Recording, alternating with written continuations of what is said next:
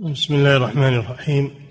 الحمد لله رب العالمين والصلاة والسلام على نبينا محمد وعلى آله وأصحابه أجمعين. أما بعد قال المؤلف رحمه الله تعالى باب ما جاء في تعجيلها. عن علي. بسم الله الرحمن الرحيم. الحمد لله رب العالمين والصلاة والسلام على نبينا محمد قال رحمه الله باب ما جاء في تعجيلها يعني الزكاة تعجيلها عن موعدها. إذا دعت الحاجة إلى ذلك. نعم.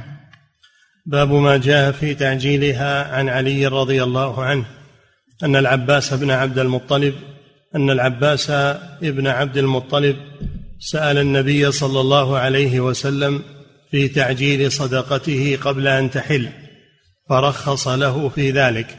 رواه الخمسة إلا النسائي. نعم في هذا الحديث أن العباس بن عبد المطلب عم الرسول صلى الله عليه وسلم سأل النبي صلى الله عليه وسلم عن حكم تعجيل الزكاة فرخص له في ذلك. فهذا دليل على جواز تعجيل الزكاة قبل وقت وجوبها لحاجة. إذا دعت الحاجة إلى ذلك. نعم. وعن أبي هريرة رضي الله عنه قال بعث رسول الله صلى الله عليه وسلم عمر على الصدقة فقيل منع ابن جميل وخالد بن الوليد وعباس عم رسول الله صلى الله عليه وسلم. فقال رسول الله صلى الله عليه وسلم ما ينقم ابن جميل إلا أنه كان فقيرا فأغناه الله. وأما خالد فإنكم تظلمون خالدا. قد احتبس أدراعه وأعتاده في سبيل الله. وأما العباس فهي علي ومثلها معها. ثم قال يا عمر أما شعرت أن عم الرجل صنو أبيه؟ رواه أحمد ومسلم. النبي صلى الله عليه وسلم أرسل عمر لقبض الزكاة وجبايتها. وهذا فيه أن الإمام يرسل العمال لجباية الزكاة ممن وجبت عليهم. فبعث عمر رضي الله عنه في ذلك في هذه المهمة فقال فقيل منع ابن جميل يعني أبى, أبى أن يدفع الزكاة لعمر. وابن جميل هذا من المنافقين من المنافقين. قيل وهو الذي نزلت فيه الآية ومنهم من عاهد الله لئن آتانا من فضله لنصدقن ولنكونن من الصالحين فلما آتاهم من فضله بخلوا به. فقيل إنها نزلت في هذا الرجل. فالنبي صلى الله عليه وسلم عتب عليه وقال ما ينقم يعني ليس له عذر. إلا أنه كان فقيرا فأغناه الله. كان الواجب عليه أن يشكر الله وأن يخرج الزكاة التي أوجبها الله عليه في ماله. وأما خالد ليس عنده شيء يزكى لأنه حبس يعني أوقف اعتاده وأدراعه في سبيل الله يعني في الجهاد. ليس عنده شيء يزكى. قالوا وهذا فيه دليل على جواز وقف المنقول. العادة أن الأوقاف تكون في الأشياء الثابتة وهذا الحديث يدل على أنها تكون أيضا في المنقولات كالسلاح والعتاد في سبيل الله كما فعل خالد بن الوليد رضي الله عنه. وأما العباس عم الرسول صلى الله عليه وسلم فقد تعجلها النبي صلى الله عليه وسلم منه وأخذها.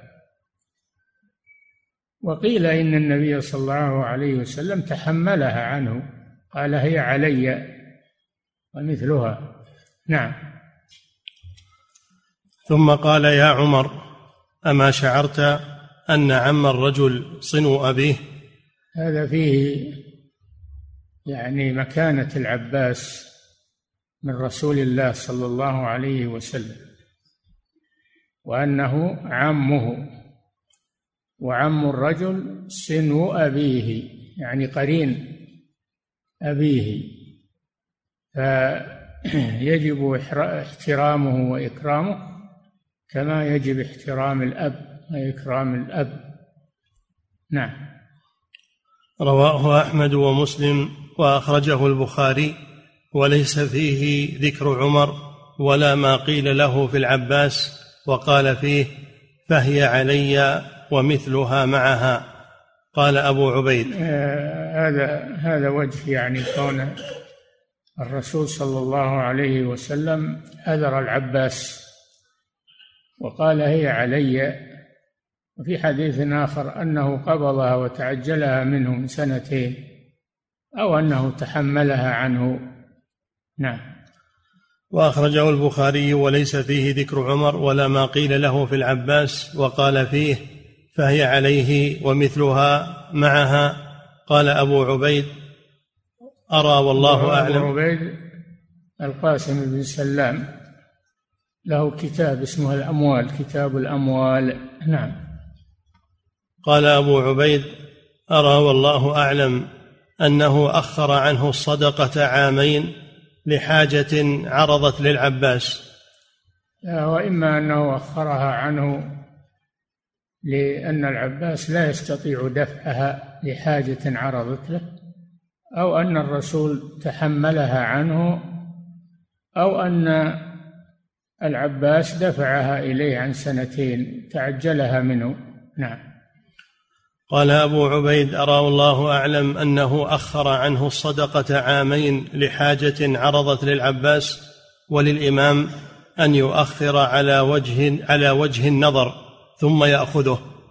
وللإمام إمام المسلمين أن يؤخر قبض الزكاة عن آه، ممن له عذر يعذر به لكنها لا تسقط عنه بل تؤخذ منه إذا أمكن ذلك. نعم. ومن روى فهي علي ومثلها فيقال كان تسلف منه صدقة عامين ذلك العام والذي قبله. يعني تعجلها منه. نعم. باب تفرقة الزكاة في بلدها ومراعاة المنصوص عليه للقيمة. وما يق... نعم باب توزيع الزكاة في بلدها. في بلد المال يعني في بلدها في بلد المال الذي تجب فيه الزكاة. لأن النبي صلى الله عليه وسلم لما أرسل معاذا إلى اليمن قال أخبرهم أن الله افترض عليهم صدقة تؤخذ من أغنيائهم فترد. في فقرائهم يعني في فقراء البلد فهم أحق بها. البلد الذي فيه المال تخرج زكاته في ذلك البلد على فقرائه ولا تنقل إلا لعذر شرعي. نعم. ومراعاة المنصوص عليه للقيمة ومراعاة المنصوص عليه يعني آه المنصوص عليه في الزكاة وأنها لا تؤخذ القيمة بدلا عن الزكاة فلا يؤخذ بدل الماشية دراهم ولا يؤخذ بدل غيرها من أنواع الزكاة تؤخذ قيمة ذلك. نعم. وما يقال عند دفعها. وما يقال عند دفعها أنه يدعى لمن دفعها. يدعى لمن دفعها. فيقال له بار... تقبل الله منك ما أعطيت وبارك لك, لك فيما أبقيت وجعله لك طهورا كما كان النبي صلى الله عليه وسلم يقول ذلك لمن أخذ منهم الزكاة. فيدعى للمزكي. الذي يدفع زكاته طيبة بها نفسه دعا بهذا الدعاء والله جل وعلا قال لنبيه خذ من أموالهم صدقة تطهرهم وتزكيهم بها وصل عليهم صل عليهم يعني ادعو لهم. الدعاء فالصلاة تسمى دعاء. صل عليهم أي ادعو لهم إذا أخذتها منهم. نعم. ولما قبض صلى الله عليه وسلم زكاة آل أبي أوفى قال اللهم صل على آل أبي أوفى. نعم. باب تفرقة الزكاة في بلدها ومراعاة المنصوص عليه لا القيمة وما يقال عند دفعها.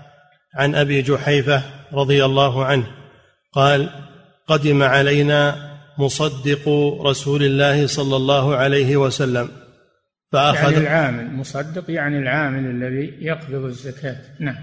فأخذ الصدقة من أغنيائنا فجعلها في فقرائنا. نعم هذا الذي أمر الله به. تؤخذ من أغنيائهم ترد في فقرائهم. خذ من أموالهم صدقة. نعم. فأخذ الصدقة من أغنيائنا فجعلها في فقرائنا فكنت غلاما يتيما فأعطاني منها قلوصا.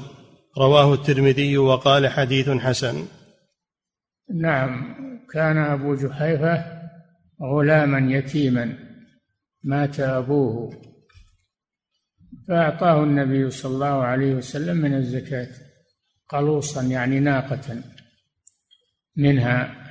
فدل على أنها تدفع للفقراء وإن كانوا صغارا. نعم. وعن عمران ابن حسين رضي الله عنه أنه استعمل على الصدقة فلما رجع قيل له أين المال؟ قال وللمال أرسلتني أخذناه من حيث كنا نأخذه على عهد رسول الله صلى الله عليه وسلم ووضعناه حيث كنا نضعه. رواه أبو داود وابن ماجه. نعم عمران بن حسين رضي الله عنه هو وأبوه صحابيان.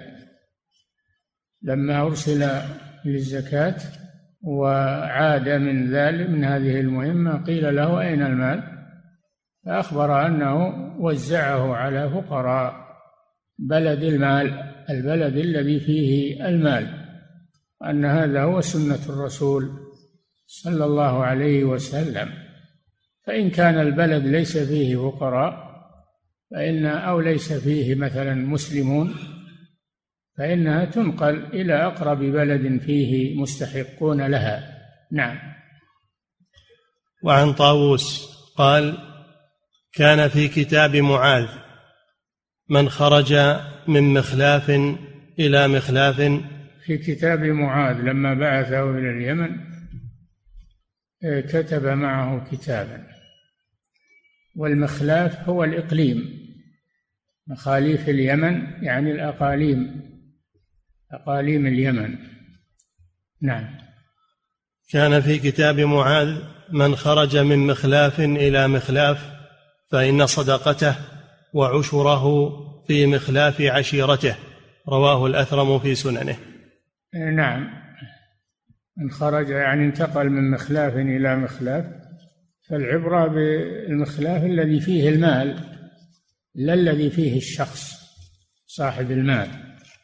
فتخرج في فقراء البلد الذي فيه المال لأنهم يتطلعون إليها وهم بحاجة إليها فلا تنقل عنهم إلى غيرهم. نعم. وعن معاذ بن جبل رضي الله عنه أن رسول الله صلى الله عليه وسلم بعثه إلى اليمن فقال خذ الحب من الحب والشاة من الغنم والبعير من الإبل والبقرة من البقر. رواه أبو داود وابن ماجه. هذا فيه دليل على أن كل مال تؤخذ زكاته منه ولا تؤخذ من غيره. فالإبل تؤخذ زكاتها من الإبل والبقر كذلك والغنم كذلك. نعم. وعن معاذ بن جبل رضي الله عنه أن رسول الله صلى الله عليه وسلم بعثه إلى اليمن فقال خذ الحب من الحب والشاة من الغنم والبعير. من الحب يعني الحبوب والثمار التي تجب فيها الزكاة تؤخذ الزكاة منها من نفسها. نعم. والشاة من الغنم نعم. والبعير من الإبل والبقرة من البقر رواه أبو داود وابن ماجه. والجبرانات المقدرة في حديث أبي بكر تدل على أن القيمة لا تشرع وإلا كانت تلك الجبرانات عبثا. كانت؟ وإلا كانت تلك الجبرانات عبثا. جبرانات. الجبران إذا وجبت عليه سن وليست عنده عنده أقل منها. عنده أقل من السن الذي وجب عليه فإنه يدفعها ويدفع الجبران من جنس يعني مقابل النقص من جنس المال الذي وجبت فيه الزكاة. ولا تؤخذ دراهم هكذا يقول الراوي. نعم.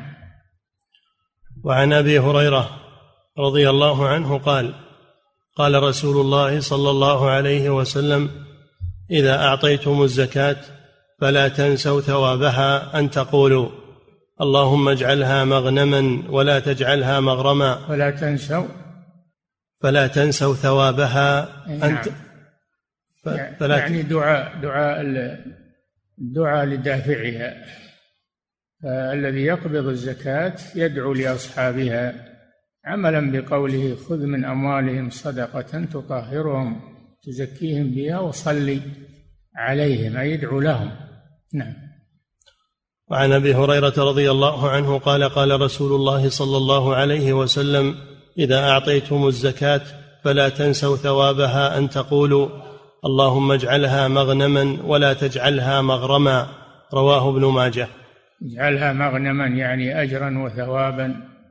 وبركة على المال ولا تجعلها مغرما يعني غرامه نعم. وعن عبد الله بن أبي أوفى قال كان رسول الله صلى الله عليه وسلم إذا أتاه قوم بصدقة قال اللهم صل عليهم. فأتاه أبي أبو أوفى بصدقته فقال اللهم صل على آل أبي أوفى متفق عليه. صل عليهم. الصلاة من الله ثناؤه على عبده والمراد بها هنا الدعاء. من الادمي الدعاء. إذا قال الادمي صلى الله على فلان فمعناه يدعو له يدعو له. ولا يليق هذا إلا بالنبي صلى الله عليه وسلم. فيقول صلى الله عليه وسلم. أما غيره فلا يقال صلى الله عليه وسلم إلا في بعض الأحيان. أما أن يتخذ شعارا لشخص غير الرسول صلى الله عليه وسلم فلا يقال هذا. مثل ما تقول الرافضة في حق علي عليه السلام يقولون عليه السلام هذا لا من خصائص الرسول صلى الله عليه وسلم. هذا من الغلو آه، في علي رضي الله عنه إنما يقال رضي الله عنه كما أخبر الله أنه رضي عنهم. السابقون الأولون من المهاجرين والأنصار الذين اتبعوهم بإحسان رضي الله عنهم ورضوا عنه فيترضى عنه عن صحابة رسول الله صلى الله عليه وسلم ولا يصلى عليهم دائما إنما بعض الأحيان أو بعض الأشخاص مثل ما قال صلى الله عليه وسلم اللهم صل على آل أبي أوفى إذا لم يتخذ شعارا لشخص معين فلا بأس. نعم. باب من دفع صدقته إلى من ظنه من أهلها فبان غنيا. إي نعم إذا دفع صدقة لشخص يظنه فقيرا فبان أنه غني فإنها تجزئه بناء على نيته بناء على نيته. نعم. باب من دفع صدقته إلى من ظنه من أهلها فبان غنيا. عن أبي هريرة رضي الله من دفعها إلى شخص غني وهو يعلم أنه غني إنها لا تجزئه. نعم. عن أبي هريرة رضي الله عنه عن رسول الله صلى الله عليه وسلم قال قال رجل لاتصدقن بصدقة. فخرج بصدقته. قال رجل ممن كان قبلنا ممن كان من الأمم السابقة. لاتصدقن أي والله لاتصدقن ألزم نفسه أن يتصدق. نعم. فخرج هذا يجري مجرى النذر. نعم. لا تصدقن بصدقة. فخرج بصدقته فوضعها في يد سارق فأصبحوا يتحدثون. ما درى أنه سارق؟ دفعها إليه على أنه فقير ما درى أنه سارق. نعم. فأصبحوا يتحدثون تصدق على سارق. يعني أصبح الناس يتحدثون تصدق الليلة على سارق يتعجبون من هذا. نعم. فقال اللهم لك الحمد على سارق لا أتصدقن بصدقة. نعم. فخرج بصدقته فوضعها في يد زانية. نعم. فأصبحوا يتحدثون تصدق الليلة على زانية. نعم يتعجبون من هذا. نعم. فقال اللهم لك الحمد على زانية. هذا فيه أن الله يحمد سبحانه على المكاره وعلى المحامد. على كل شيء شيء قدره الله لحكمة نعم. فقال اللهم لك الحمد على زانية. فقال لأتصدقن بصدقة. فخرج بصدقته فوضعها في يد غني فأصبحوا يتحدثون تصدق على غني فقال اللهم لك الحمد على زانية وعلى سارق وعلى غني فأتي فقيل له. أتي يعني في المنام. نعم. أتاه ف... ملك نعم. فأتي فقيل له أما صدقتك فقد قبلت. الحمد لله. أما بناء. بناء على نيته. نعم. أما صدقتك فقد قبلت أما الزانية فلعلها تستعف به من زناها. إي نعم تترك الزنا وتستعف بهذه الصدقة عن الزنا. نعم. ولعل سببا تكون هذه الصدقة عليها سببا في توبتها. نعم. ولعل السارق أن يستعف عن سرقته. يعني تغنيه هذه العطية عن السرقة عن السرقة ويتوب إلى الله عز وجل. نعم. ولعل الغني أن يعتبر فينفق مما آتاه الله عز وجل. والغني يتنبه يتنبه فيتصدق من ماله لأنه إذا أعطي وهو غني يتنبه للصدقة. وهو غافل عنها فيتصدق تكون باعثا له على الصدقة. هذه أسباب خير. نعم. متفق عليه. وفيه دليل على أن العبرة بالنية إذا نوى الإنسان وأعطى الزكاة لمن ظنه مستحقا لها تبين أنه غير ذلك أنها تجزئه بناء على نيته.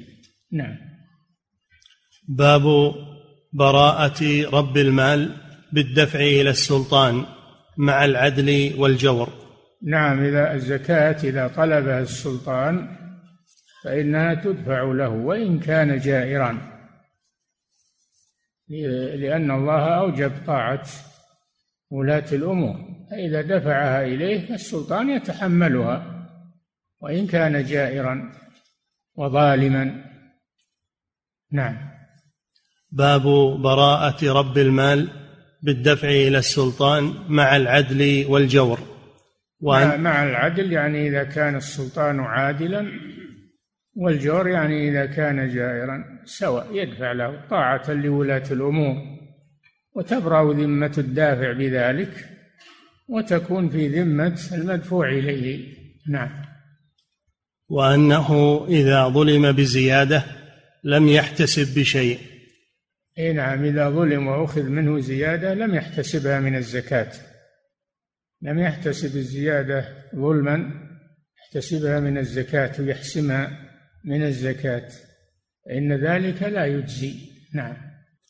عن أنس رضي الله عنه أن رجلا قال لرسول الله صلى الله عليه وسلم إذا أديت الزكاة إلى رسولك فقد برئت من فقد برئت منها إلى الله ورسوله؟ قال نعم. إذا قال الرسول صلى الله عليه وسلم نعم. يعني إذا دفعتها لمندوب السلطان برئت ذمتك وصارت في ذمة السلطان. نعم. قال نعم. إذا هذا من السمع والطاعة لولي الأمر. نعم. قال نعم. إذا أديتها إلى رسولي فقد برئت منها إلى الله ورسوله فلك أجرها وإثمها على من بدلها. إثمها على من بدلها من سلاطين الجور والظلم. نعم. وإثمها على من بدلها مختصر لأحمد وقد احتج بعمومه. مختصر يعني الحديث. أخذ منه محل الشاهد. أخذ منه محل الشاهد. لأحمد يرى من رواية الإمام أحمد. المسند. نعم. وقد احتج بعمومه من يرى المعجلة إلى الإمام إذا هلكت عنده من ضمان الفقراء دون الملاك. نعم. وقد احتج بعمومه من يرى المعجلة إلى الإمام إذا هلكت عنده نعم. من ضمان الفقراء دون الملاك. نعم أن المالك تبرأ ذمته. وتكون على الفقراء يعني أنهم يتحملونها الفقراء وليس على الدافع شيء. نعم. وعن ابن مسعود رضي الله عنه أن رسول الله صلى الله عليه وسلم قال إنها ستكون بعدي أثرة. أثرة يعني الأثرة هي الاستئثار بالمال يعني السلاطين يستأثرون بالمال لأنفسهم وفي سلاطين الظلم والجور يستأثرون بالمال لأنفسهم في بيت المال. هذه الأثرة. نعم. إنها ستكون بعدي أثرة وأمور تنكرونها. يعني من ولاة الأمور. نعم. وأمور تنكرونها قالوا يا رسول الله. هذا دليل على أن ولي الأمر يسمع له ويطاع وإن كان ظالما وجائرا. نعم. قالوا يا رسول الله فما تأمرنا؟ قال تؤدون الحق الذي عليكم وتسألون الله الذي لكم متفق عليه. اي نعم. هذا الواجب عليكم أنت إذا طلبها ولي الأمر وإن كان قد يسيء إليها أو يستأثر بها تبرأ ذمتك تكون في ذمته فتسألون الله الذي تدفعون الذي عليكم إلى السلطان وتسألون الله الذي لكم مما أخذ منكم بغير حق. نعم. وعن وائل ابن حجر رضي الله عنه قال سمعت مالك بن حجر الكندي من ملوك حضرموت رضي الله عنه. نعم. وعن وائل ابن حجر رضي الله عنه قال سمعت رسول الله صلى الله عليه وسلم ورجل يسأله فقال أرأيت إن كان علينا أمراء يمنعون حقنا ويسألون حقهم؟ فقال اسمعوا وأطيعوا فإنما عليهم ما حملوا وعليكم ما حملتم. رواه مسلم والترمذي وصححه. نعم هذا الحديث فيه طاعه ولاة الأمور وإن جاروا وإن ظلموا وإن جاروا وإن ظلموا. وأنهم إذا طلبوا الزكاة تدفع إليهم وتجزي عن صاحبها. نعم. أرأيت إن كان علينا أمراء يمنعون حقنا ويسألون حقهم فقال اسمعوا وأطيعوا فإنما عليهم ما حملوا وعليكم ما حملتم. رواه مسلم والترمذي وصححه. وعن بشير ابن ما دام الترمذي رواه مسلم والترمذي وصححه ما رواية مسلم تكفي. نعم. وعن بشير ابن الخصاصية قال قلنا يا رسول الله إن قوما من أصحاب الصدقة يعتدون علينا. أفنكتم من أموالنا بقدر ما يعتدون علينا؟ فقال لا رواه أبو داود.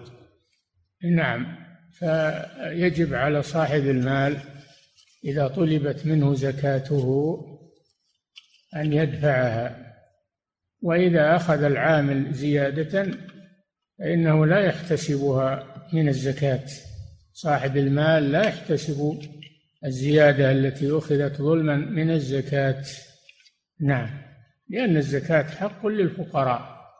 وما ذنب الفقراء إذا جار العامل؟ نعم.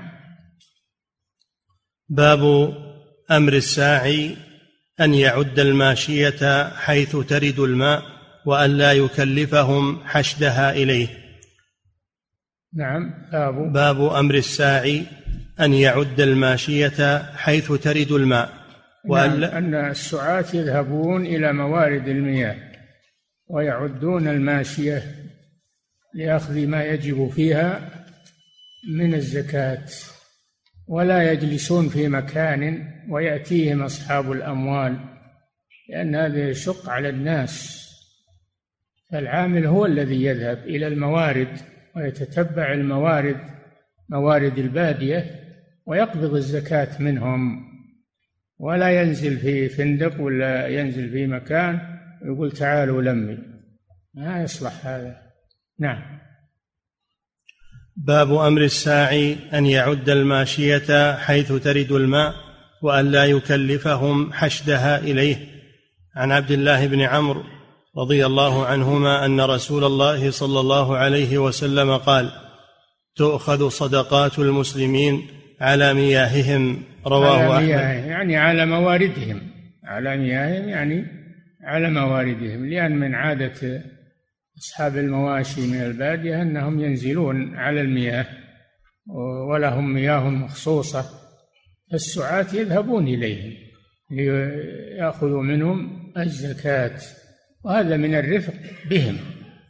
نعم. أن رسول الله صلى الله عليه وسلم قال تؤخذ صدقات المسلمين على مياههم. رواه أحمد. وفي رواية لأحمد وأبي داود لا جلب ولا جنب ولا تؤخذ صدقاتهم إلا في ديارهم. لا جلب يعني لا تجلب الماشية إلى مكان المزكي وإنما المزكي يذهب إليها في أماكنها فيقبض زكاتها. وأما الجنب فقالوا إنه إذا ركب الفرس يكون إلى جانبه فرس أخرى عري ليس عليها أحد لأجل إذا تعبت الفرس التي هو عليها يركب الثانية. نعم. في هذا في السباق. هذا يستعمل في السباق على الخيل. يكون معه فرس إلى جنبه. إذا تعبت الفرس التي تحته يركب هذا في تزوير في تزوير في السباق. ولا يجوز هذا. إنه يستعمل فرسين في في المشوار. نعم. لا جلب ولا جنب ولا تؤخذ صدقاتهم إلا في ديارهم. هذا محل الشاهد. ولا تؤخذ صدقاتهم إلا في ديارهم. صدقاتهم أي أهل أهل المواشي إلا في ديارهم ولا يأتون بها إلى المكان الذي فيه الساعي. ينزل في مكان معين ويقول للناس هاتوا زكاة ما ما يجوز هذا. نعم بل هو يذهب إليهم. نعم. باب سمة الإمام المواشي إذا تنوعت عنده. نعم السمة يعني أن يسمها بالكي يسمها بالكي ليعرف أنها من الزكاة لئلا تشتبه بغيرها. نعم. وهذا فيه جواز الكي بالنار للحاجة. نعم. لكن لا لا توسم بالوجه. نهى النبي صلى الله عليه وسلم عن الوجه عن الوسم بالوجه. وإنما توسم بغير الوجه. نعم. باب سمة الإمام المواشي إذا تنوعت عنده. عن أنس رضي الله عنه قال غدوت إلى رسول الله صلى الله عليه وسلم بعبد الله ابن أبي طلحة ليحنكه. نعم عبد الله بن أبي طلحة مولود صغير. ومن عادتهم إذا ولد المولود أنهم يذهبون به إلى الرسول صلى الله عليه وسلم قبل أن يرتضع أو يصل إلى جوفه شيء لأجل أن يحنكه. والتحنيك هو أن الرسول يمضغ تمرة يمضغ تمرة ثم يضعها في فم المولود ليكون أول ما يدخل في جوف المولود ريق رسول الله صلى الله عليه وسلم. تبركون بذلك. هذا تحنيك الأولاد وهذا خاص بالرسول صلى الله عليه وسلم تحنيك المواليد هذا خاص بالرسول صلى الله عليه وسلم. نعم. عن أنس رضي الله عنه قال غدوت إلى رسول الله صلى الله عليه وسلم بعبد الله بن أبي طلحة. الأنصاري أبو طلحة الأنصاري الصحابي المشهور. نعم. ليحنكه. فوافيته في يده الميسم يسم إبل الصدقة. الميسم هو الحديدة المحماة بالنار. يسم بها إبل الصدقة. دل على جواز الكي بالنار لأجل الوسم. هذا حاجة. نعم. ولأحمد وابن ماجه دخلت على النبي صلى الله عليه وسلم وهو يسم غنما في آذانها.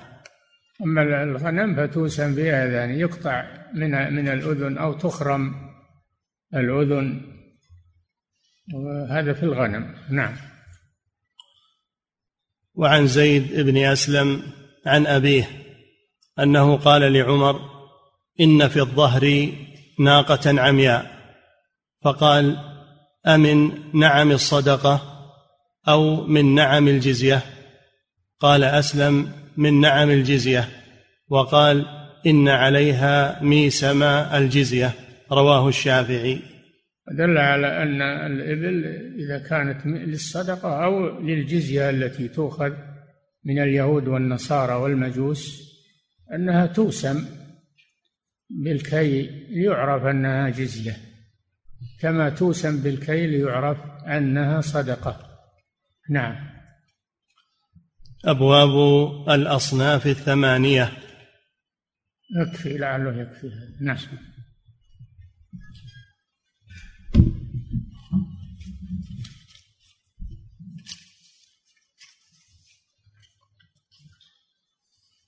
فضيلة الشيخ وفقكم الله.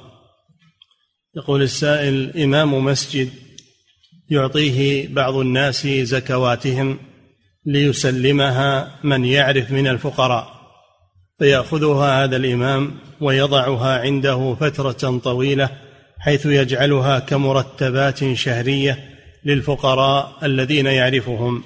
هل يجوز له هذا العمل؟ لا ما يجوز له هذا العمل. يجوز أن يوزعها في وقتها ولا يحبسها لأن إخراج الزكاة على الفور وقت وجوبها ولا تحبس عن الفقراء. نعم.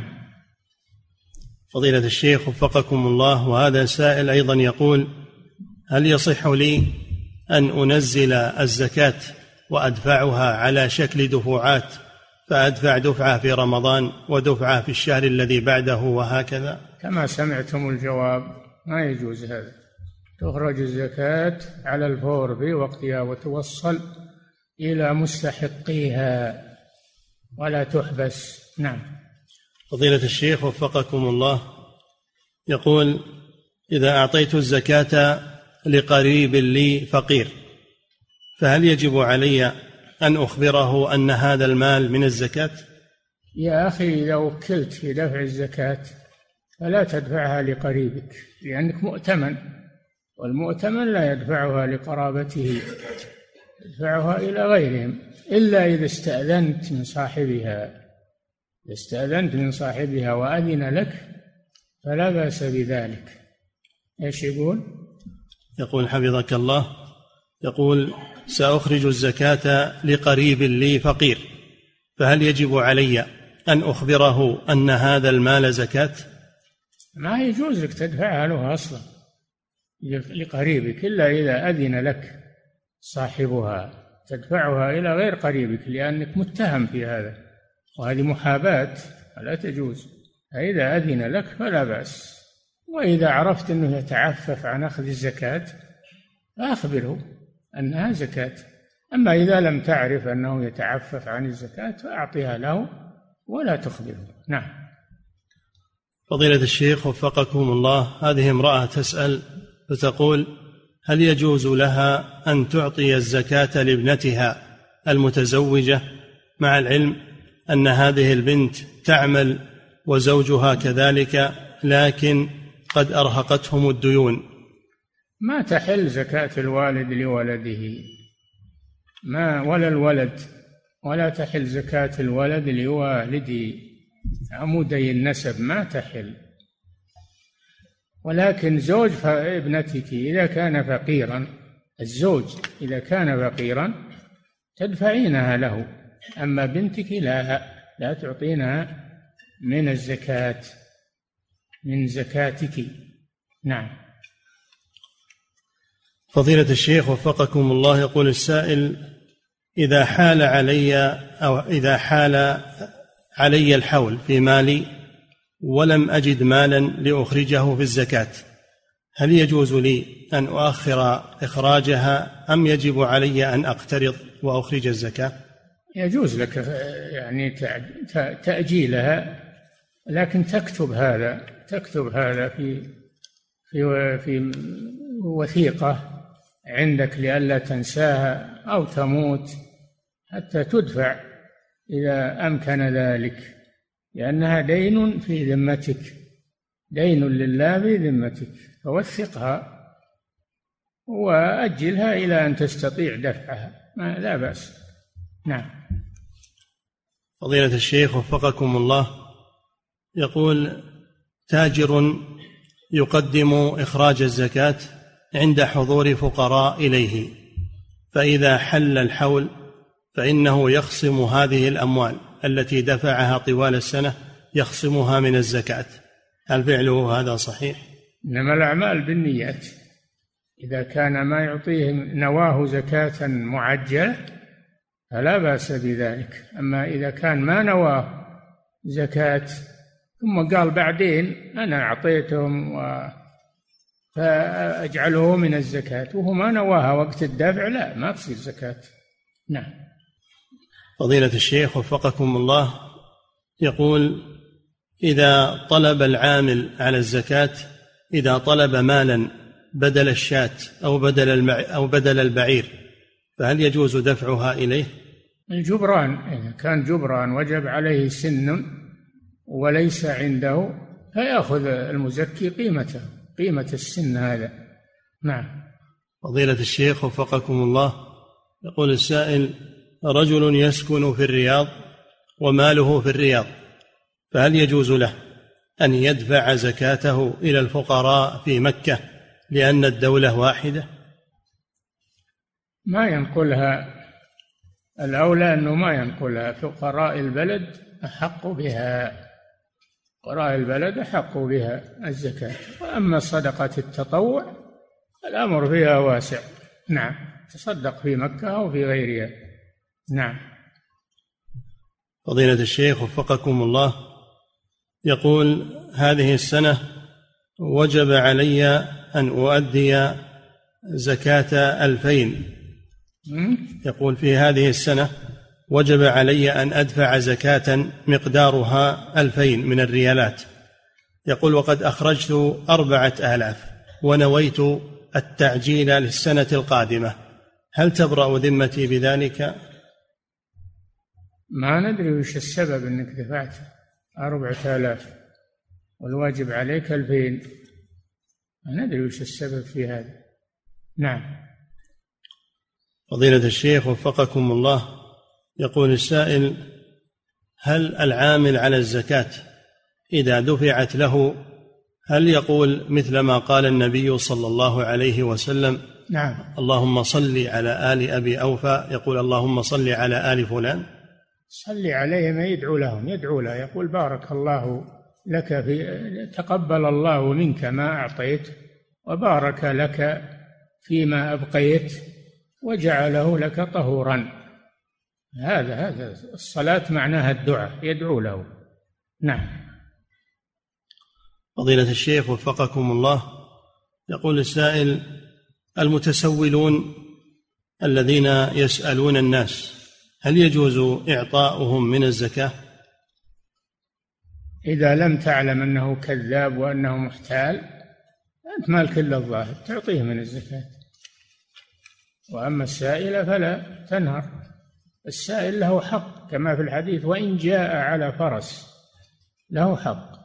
فإذا لم تعلم أنه كذاب أو أنه محتال فأعطه بناء على ظاهر حاله. نعم.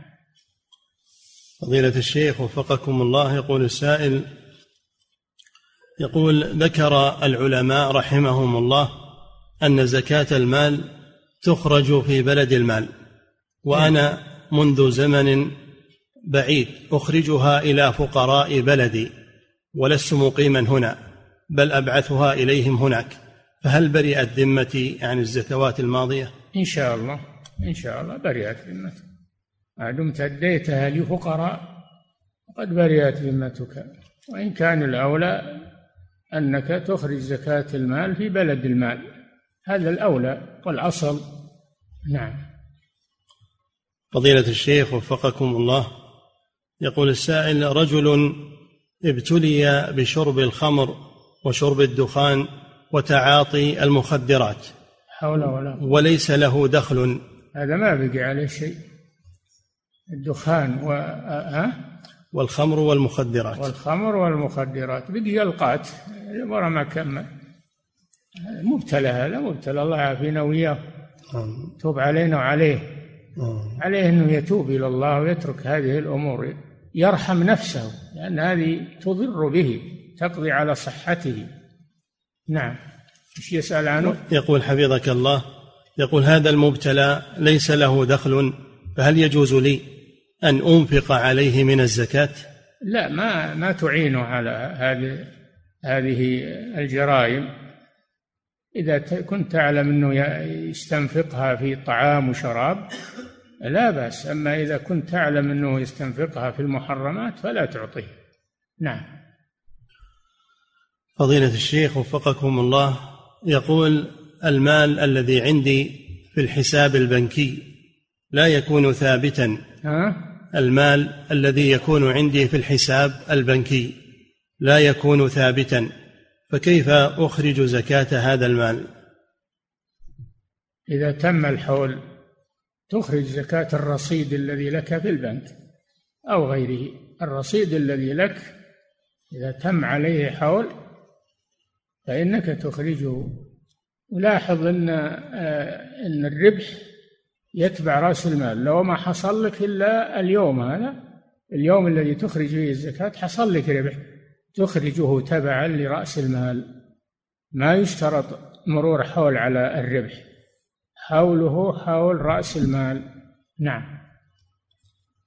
فضيلة الشيخ وفقكم الله يقول السائل رجل يعطي زكاة ماله لأهل الأهواء وقد نصح في هذا ولم يستجب فهل تبرأ ذمته بدفعها إليهم؟ إذا كان أهل الأهواء ما وصلوا إلى حد الكفر أهواءهم دون الكفر فلا بأس مع مناصحتهم.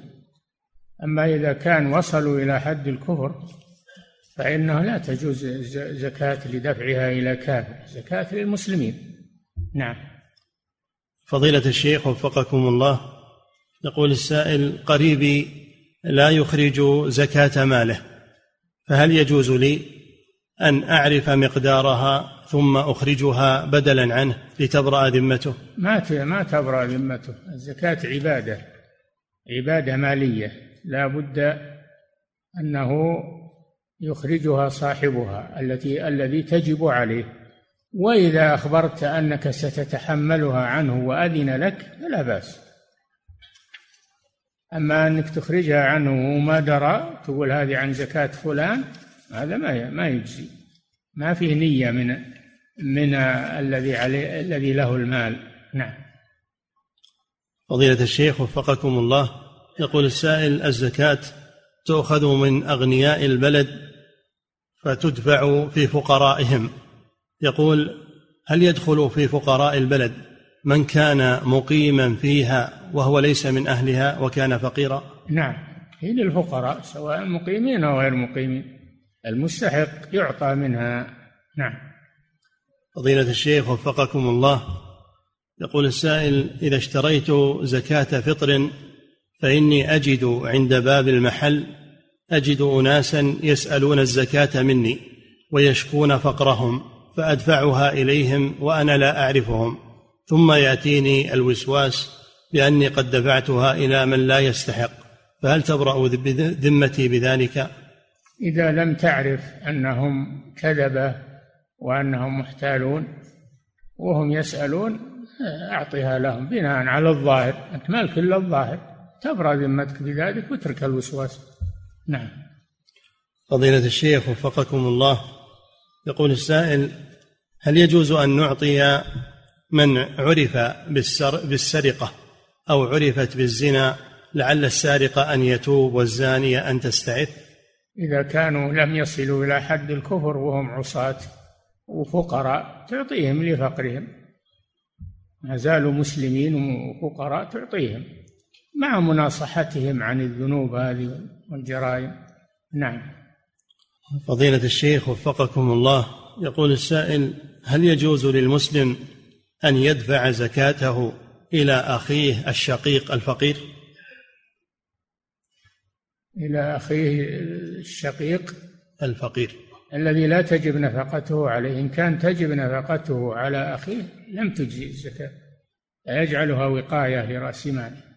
ما إذا كان لا تجب نفقته عليه على صاحب المال فلا بأس. نعم. فضيلة الشيخ وفقكم الله يقول ما يفعله بعض الناس من تحنيك المولود في اليوم السابع وأنه تمضغ له تمرة ثم توضع في فيه. يقول هل هذا أمر مشروع؟ هذا من خصائص الرسول صلى الله عليه وسلم. هذا من خصائص الرسول صلى الله عليه وسلم. والمولود يرضع بحاجة إلى الرضاع ما هو بحاجة إلى إلى التمر و...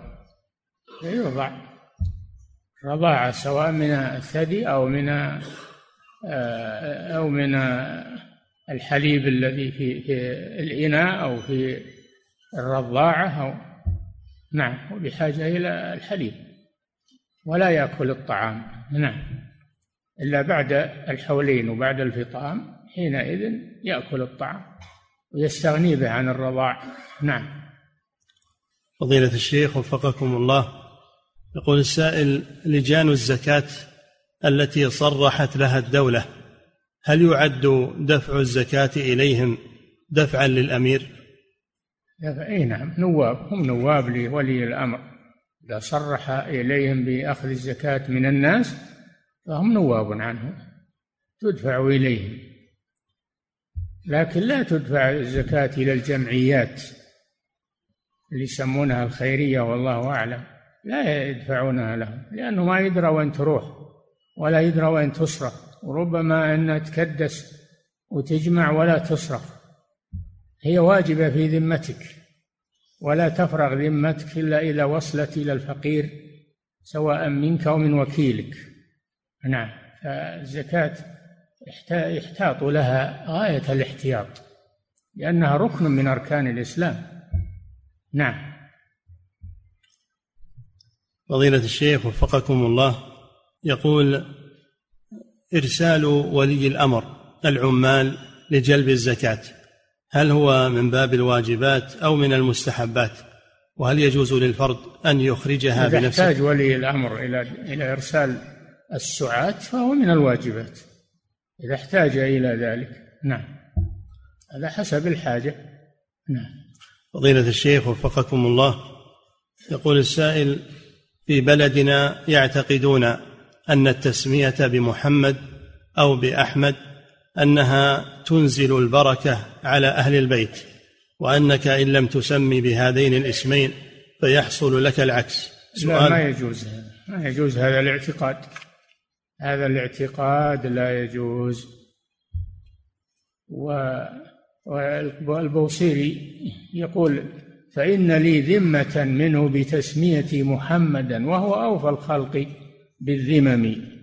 يقول إن اسمي محمد يكفي إنه آه، إنه آه، اسم الرسول ما بحاجة إلى غير ذلك. نعم. هذا من الغلو والعياذ بالله. نعم. فضيلة الشيخ وفقكم الله يقول السائل يقول ما الراجح في مسألة الصلاة داخل حدود الحرم؟ هل لها فضل الصلاة في مسجد الكعبة؟ إي نعم لا شك. كل ما هو داخل الأميال فهو المسجد الحرام.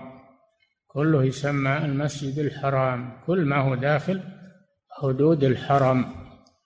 نعم. فضيلة الشيخ وفقكم الله هذا السائل يقول يقول قام تضاعف فيه الصلاة إلى مائة ألف صلاة. نعم. فضيلة الشيخ وفقكم الله يقول السائل قام واعظ يعظ الناس وقال إن ما يسمى بالشطرنج إنه حرام. يقول فهل ما ذكره صحيح؟ إيه؟ الشطرنج إنه الشطرنج حرام نعم. لعبة مجوسية. لعبة مجوسية ولا يجوز اللعب الشطرنج. إن كان على عوض هذا أشد تحريم. إن كان على عوض فهو أشد تحريم وهذا من أكل المال. بالباطل ومن المسابقات المحرمة. وإن كان بدون عوض فهذا أيضا لا يجوز لأنه وسيلة إلى أخذ العوض وتشبه بالمجوس فلا يجوز هذا. نعم. فضيلة الشيخ وفقكم الله يقول هل الوسم في الأضحية هل هو من العيوب التي تمنع من الإجزاء؟ لا ما يمنع. من الإجزاء الوسم. لا نعم. فضيلة الشيخ وفقكم الله يقول السائل هل يجوز لنا أن نسم بهيمة غير أو أن نسم غير بهيمة الأنعام كأن يسم الإنسان قطا عنده؟ لا لا يجوز هذا. أهم الكل كالقط حتى تسمه. ما يجوز هذا. نعم. فضيلة الشيخ وفقكم الله هل يقول السائل هل يمكن أن يقال إن الأولى عدم وسم البهائم في هذا الزمن بل يكتفى بوضع لون عليها لكي تكون معلومة؟ واسم البهائم ثابت في السنة النبوية لا مانع منه إن شاء الله. نعم. فضيلة الشيخ وفقكم الله يقول السائل إذا كان عندي فقيران أحدهما طالب علم والآخر من العامة. فهل الأفضل أن أدفعها لطالب العلم؟ تدفعها لأشدهم حاجة. إن كان الأشد حاجة هو طالب العلم تدفعها له وإن كان الآخر أشد حاجة تدفعها له حسب الحاجة. نعم. فضيلة الشيخ وفقكم الله يقول السائل ما حكم البيع والشراء بعد الأذان؟ يقول لأنني في بعض الأوقات أجد عند مدخل المساجد أجد من يبيع السواك قبل الإقامة فهل يجوز لي أن أشتري منه؟ لا مانع السواك والشيء اليسير ما ما في مانع. وأنت تحتاج السواك؟ لا بأس طيب. نعم. أما تجيب بضائع وتجلس تبيع عند باب المسجد وقت الصلاة وبعد الأذان هذا ما يجوز. نعم. إذا نودي للصلاة من يوم الجمعة فاسعوا إلى إلى ذكر الله. لا تلهيهم تجارة ولا بيع عن ذكر الله وإقام الصلاة. كانوا يبيعون ويشترون فإذا سمعوا المؤذن والميزان في يده خفضه وأقبل على الصلاة. نعم. فضيلة الشيخ وفقكم الله.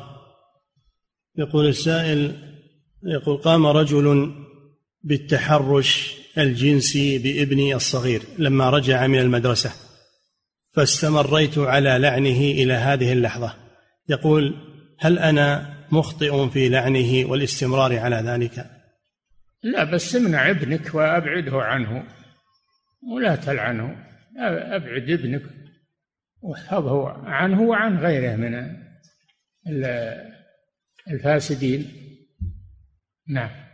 فضيلة الشيخ وفقكم الله يقول السائل أملك منزلا وهو مؤجر فهل علي زكاة فيه؟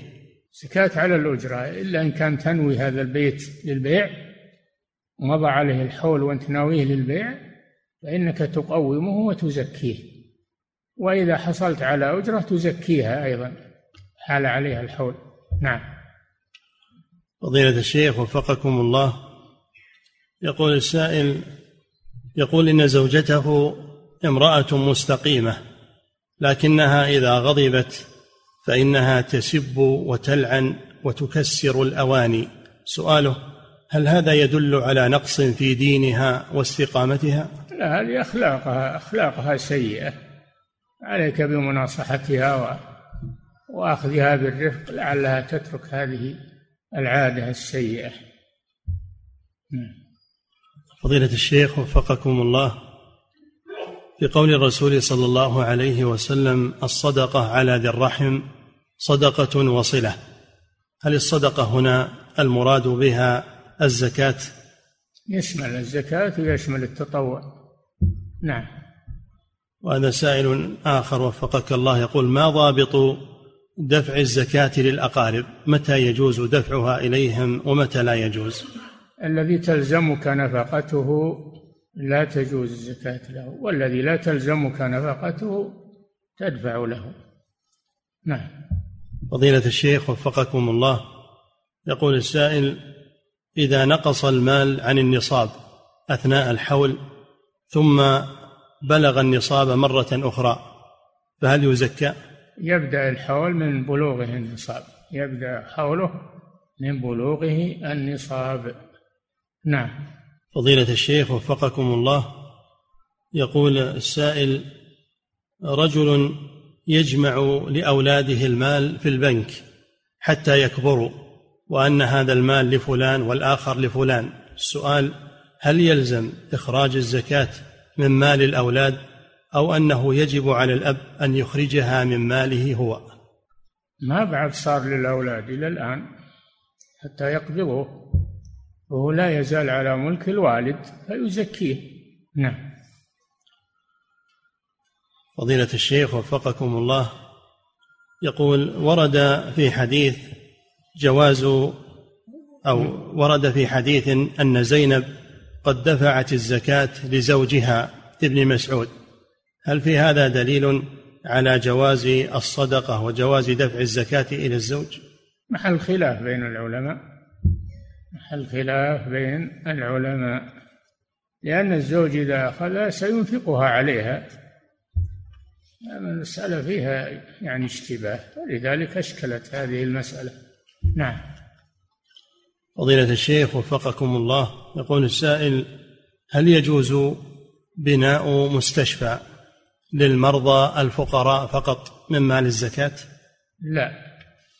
الزكاة توزع على الفقراء في حينها ولا تحبس وتجعل مباني للفقراء. نعم. وكذلك حفظك الله يسأل عن حفر بئر من مال الزكاة ليشرب كذلك ما ما يحفر بها بير والبير ما, ما هو خاص بالفقراء يشرب منه الأغنياء والفقراء و ما هو خاص به فلا يجعلها في بير. البير يحفرها من تبرع من مالها الحمد لله. نعم.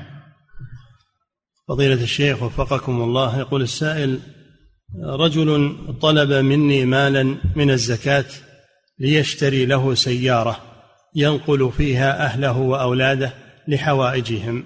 هل يجوز لي أن أعطيه من الزكاة لشراء السيارة؟ إذا كان ما يستطيع شراء السيارة وهو محتاج إليها فلا بأس لأنها أصبحت من الضروريات. نعم.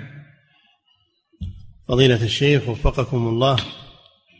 هذه امرأة من فرنسا تقول إن زوجها لا ينام معها منذ أربعة أشهر وأنه تقول عنيف وتخاف منه خوفا شديدا وقد أراد أن يطلقها وطلب منها أن تقوم بعمل الأوراق الدولية للطلاق.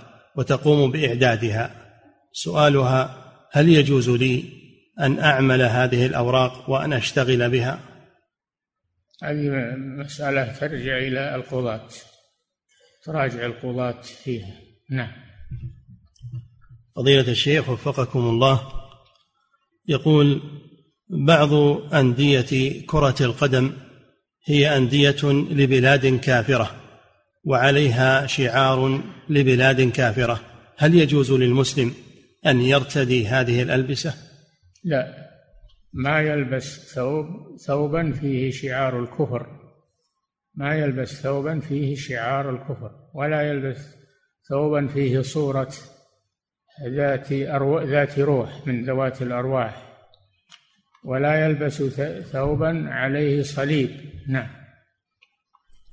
فضيلة الشيخ وفقكم الله يقول السائل يقول هناك مكتبة بجوار منزلي وقد وجدت فيها قصيدة البوصيري وعنوانها البردة. هل يجوز بيع هذه القصيدة؟ أبدا عندك النار حرقها فيها. نعم. فضيلة الشيخ وفقكم الله ولا مزقها. ما أحرقها ولا مزقها. نعم. فضيلة الشيخ وفقكم الله. يقول السائل هل يجوز للإبن أن يقبل قدمي أمه؟ لا بأس بذلك. من باب التقدير لها والاحترام لها نعم. فضيلة الشيخ وفقكم الله يقول السائل صليت الظهر في جماعة ونسيت أن أقرأ الفاتحة في إحدى الركعات فما الواجب علي؟ صليت الظهر في جماعة. ونسيت أن يعني خلف إمام ولا صلى بالجماعة هو؟ إيش صلى بالجماعة؟ صلاها مع الجماعة ولا صلى بالجماعة؟ لو صلى بالجماعة الصلاة غير صحيحة لأنه يعني ترك ركنا من أركان الصلاة. وإن كان مع جماعة وخلف إمام فإن الإمام يتحمل قراءة الفاتحة عن المأموم. نعم. فضيلة الشيخ وفقكم الله يقول السائل إذا ذكرت شخصا بمعروف قدمته له سابقا ولم تكن نيتي أن أمن عليه فهل يبطل بذلك عملي؟ إي نعم هذا من المن. هذا من المن. لا تبطلوا صدقاتكم بالمن والأذى. لا يذكرها؟ لا يذكرها. نعم. فضيلة الشيخ وفقكم الله. يقول السائل قراءة القرآن على زيت الزيتون. هل له أصل في السنة؟ وهل يجوز للإنسان أن يشرب منه وهو قد قرئ عليه؟ نعم يجوز القراءة في الماء. هذا ورد في الحديث قراءة في الماء هذا من الرقية. ومثله زيت الزيتون وكل ما يشرب. نعم. فضيلة الشيخ وفقكم الله وهذا سائل يقول ما حكم أن أقوم بفتح محل للرقية الشرعية في منطقتي وهذه المنطقة محتاجة إلى ذلك علما بأنني آخذ مقابلا لهذه الرقية وأبيع ماء مقروءا فيه. يعني تبي تحط متجر ما يجوز. أما أنك ترقي من يأتيك من المحتاجين ولا تجلس في مكان معين ويجونك الناس لكن من جاءك في أي مكان ترقيه من باب الإحسان فلا بأس. وإن دفع إليك شيئا بدون اشتراط فلا بأس. نعم. فضيلة الشيخ وفقكم الله يقول السائل هل يجوز للإنسان أن يقوم بقتل الكلاب الشاردة أو قتل القطط دون سبب؟ لا اللي ما هو مؤذي لا يجوز قتله. الذي لا يؤذي لا يجوز قتله. لها حق في الحياة إلا إذا كانت مؤذية ولا يندفع أذاها إلا بقتلها. نعم. فضيلة الشيخ وفقكم الله يقول يقول السائل هل يجوز الدعاء بقول يا أول يا آخر بدون للتعريف لا الرسول دعا قال أنت الأول فليس قبلك شيء وأنت الآخر. ما يجيب الأول فقط أو يجيب الآخر فقط هذه من الأسماء المتقابلة. يؤتى بها معا. أنت أنت الأول فليس قبلك شيء وأنت الآخر ليس بعدك شيء وأنت الظاهر فليس فوقك شيء وأنت الباطن فليس دونك شيء. نعم. فضيلة الشيخ وفقكم الله يقول السائل هل يجوز للإنسان أن يقوم بأخذ هرة صغيرة يأخذها من أمها ويقوم على إطعامها هو أم يأثم بهذا؟ إي نعم ما يفرق بين والده وولدها لا من البهائم ولا غيرها. نعم. فضيلة الشيخ وفقكم الله. فرق بين والدة وولدها فرق الله بينه وبين أحبته يوم القيامة. نعم. فضيلة الشيخ وفقكم الله يقول السائل يقول إمام مسجدنا يجمع في حال المطر وحال الغبار.